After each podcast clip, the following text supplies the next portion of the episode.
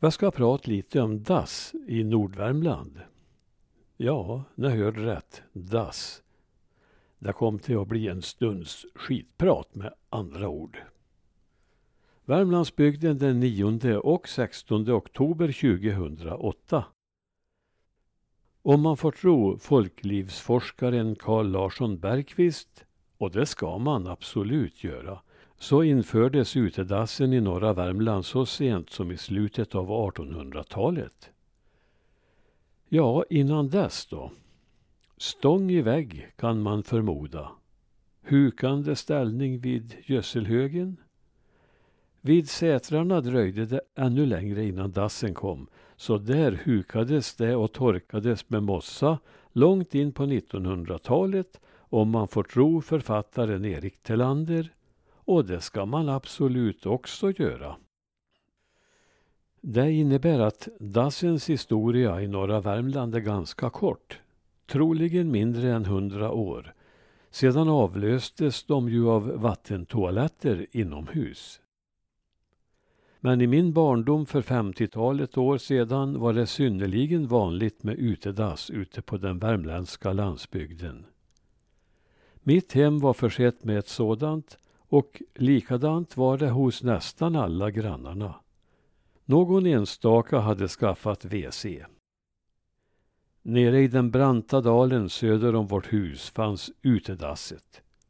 Stigen dit var mycket brant och besvärlig, speciellt vintertid.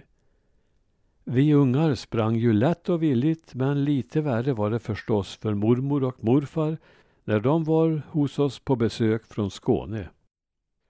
Tillfälliga besökare höll sig nog gärna tills de kom hem. Men mormor och morfar kunde ju inte gärna vänta. Bekymret var alltså stigen dit ner. Att sitta på ett utedass var det ingen som bekymrade sig för. En förmildrande omständighet var att det fanns en ledstång att hålla sig i. Då kunde man hålla sig. Placeringen utom synhåll från huset berodde nog mest på estetiska hänsyn. Det skulle vara ett visst avstånd mellan hus och dass för luktens och flugornas skull. Dass skulle finnas men inte synas. Och inte skulle de omtalas heller, åtminstone ansågs de vanligaste namnen skithus eller drethus som opassande. Gå på hus lät lite finare, men i vilket fall som helst måste det ju göras. Och ett miljövänligt alternativ var det ju, det vet vi nu i efterhand. Vårt dass var egentligen ganska hemtrevligt med ett sitthål och låda för tidningspapper att torka sig med. På större ställen brukade dassen ha minst två eller tre hål men jag såg aldrig att mer än en satt på samma gång på dessa heller. De många hålen var nog en sorts konstig högfärd. På skolan i Långav hade vi utedass med massor av sitthål men jag minns inte att jag där heller delade sittstunden med någon. Det var förstås olika dass för pojkar och flickor. På sommaren var det hur trevligt som helst att sitta på utedasset nere i dalen med massor av natur omkring sig. Fåglarna kvittrade och det låg så skyddat att man gärna kunde sitta med dörren öppen och se på ormbunkarna och kärblommorna som växte där. Fåglarna sjöng uppe i träden och i häggblomningen fanns det inte dass i världen som luktade godare. Flera stora häggar ramade in det lilla dasset. Läsning av olika slag fanns i lådan. När man läst färdigt en sida gnuggade man den lite ruggig med händerna, sedan torkade man sig med den. Det är annat än dagens toarullar som möjligen kan ha tryckta blommor på, men inget att öka sin bildning med. Men eh, visst är torkförmågan bättre. Här var det fråga om dagstidningar. Veckotidningarna var för glatta i ytan. Och ibland hände det alltså att man torkade sig i baken med självaste kungahuset. Man hade en viss frihet att välja. På vintern var det inte lika nöjsamt att sitta på dass. När kylan bet både fram och bak uträttade man sina ärenden i största hast. Dassen var på något underligt sätt var mans egendom. På samma sätt som alla och en var brukade en samfälld väg kunde dassen brukas av den som var i behov. Vi pojkar slank in på det utedass som fanns närmast till hands när vi var ute och lekte eller spelade fotboll. Och det var alltid roligt att jämföra hur de såg ut. Varje dass hade sin särprägel. Vid Modens vill jag minnas att man fick gå upp för en trappa. Sittplatserna var flera och fallhöjden var prioriterad. Vid Julius fanns dasset i uthuslängan och på åsen hade de kungafamiljen på väggen. Ingen reflekterade det minsta om de upptäckte en främling på sitt utedass. Idag skulle nog reaktionen vara starkare om någon slank in helt oförmodat och bara satte sig en stund på toaletten. I början av 1960-talet hade vi fått nog av den besvärliga dassvägen. Dasset flyttades helt sonika upp på samma platå som huset stod på och tillvaron förenklades. Det hamnade så pass långt från huset att ingen skulle behöva besväras av lukten eller flugorna. Men det blev aldrig riktigt samma frid som det var nere i dalen, speciellt sommartid och synnerligen i häggblomningen. Ännu en standardhöjning skulle snart inträda. Redan mot slutet av 1960-talet förvandlades ett skafferi och ett förvaringsutrymme inne i huset till ett och samma lilla rum och där fick både dass och dusch plats. Vilken lyx!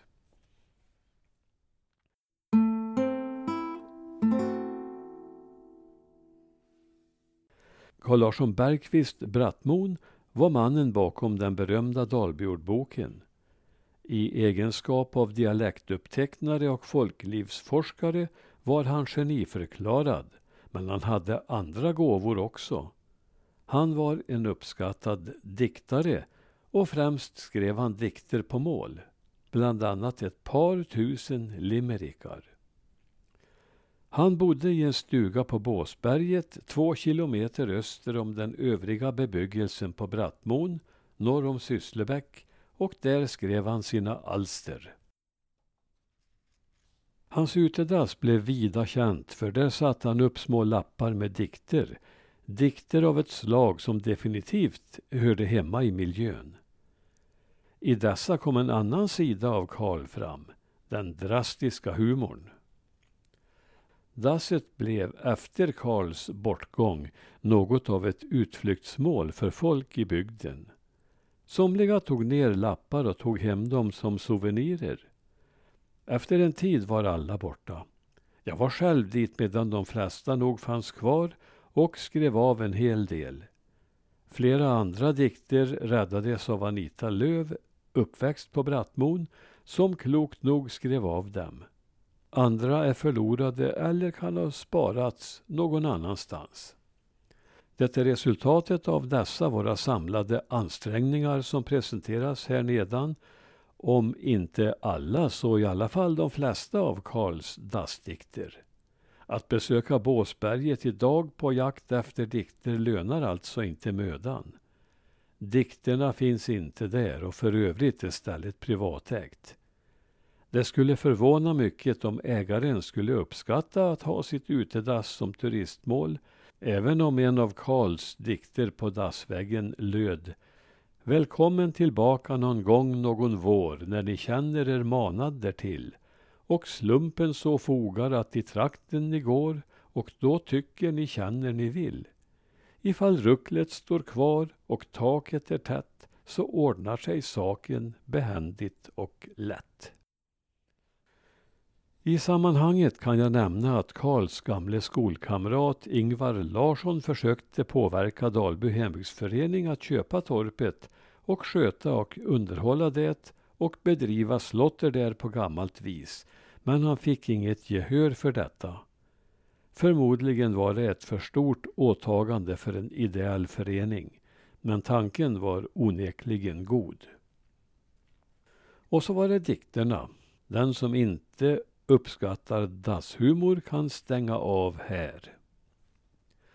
Stolen den har hål ni ser, den är gjord för visst behov, passar såväl smal som grov, högerman och vänsterkar, hurdan bakdel mannen har, liten dvärg och jättestor, tösen, grabben, far och mor, användbar för vem som helst, syndare och frälst.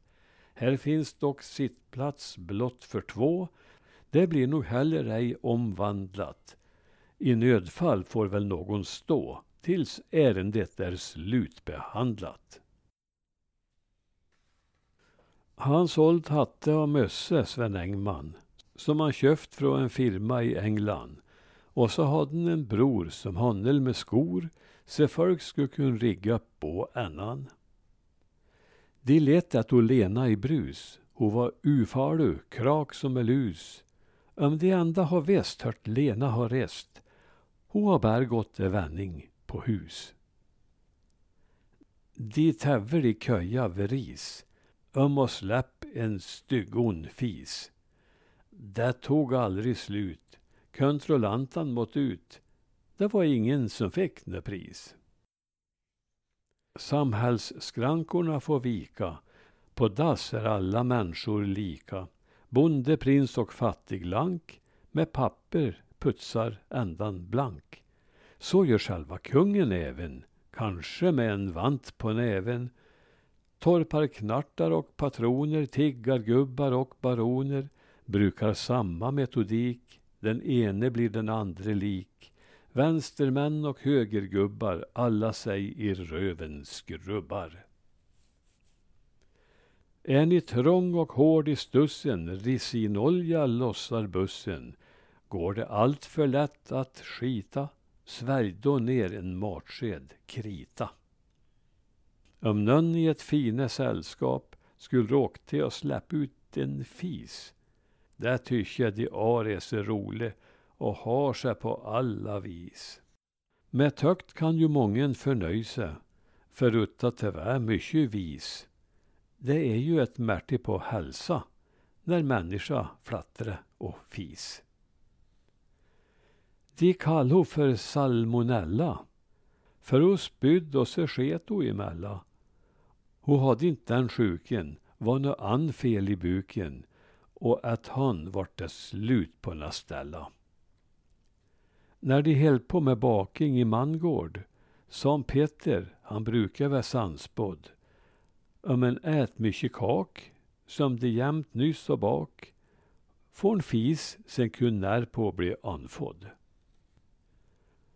En bond som på görsla skulle spar satt en radioantenn mitt i jarl.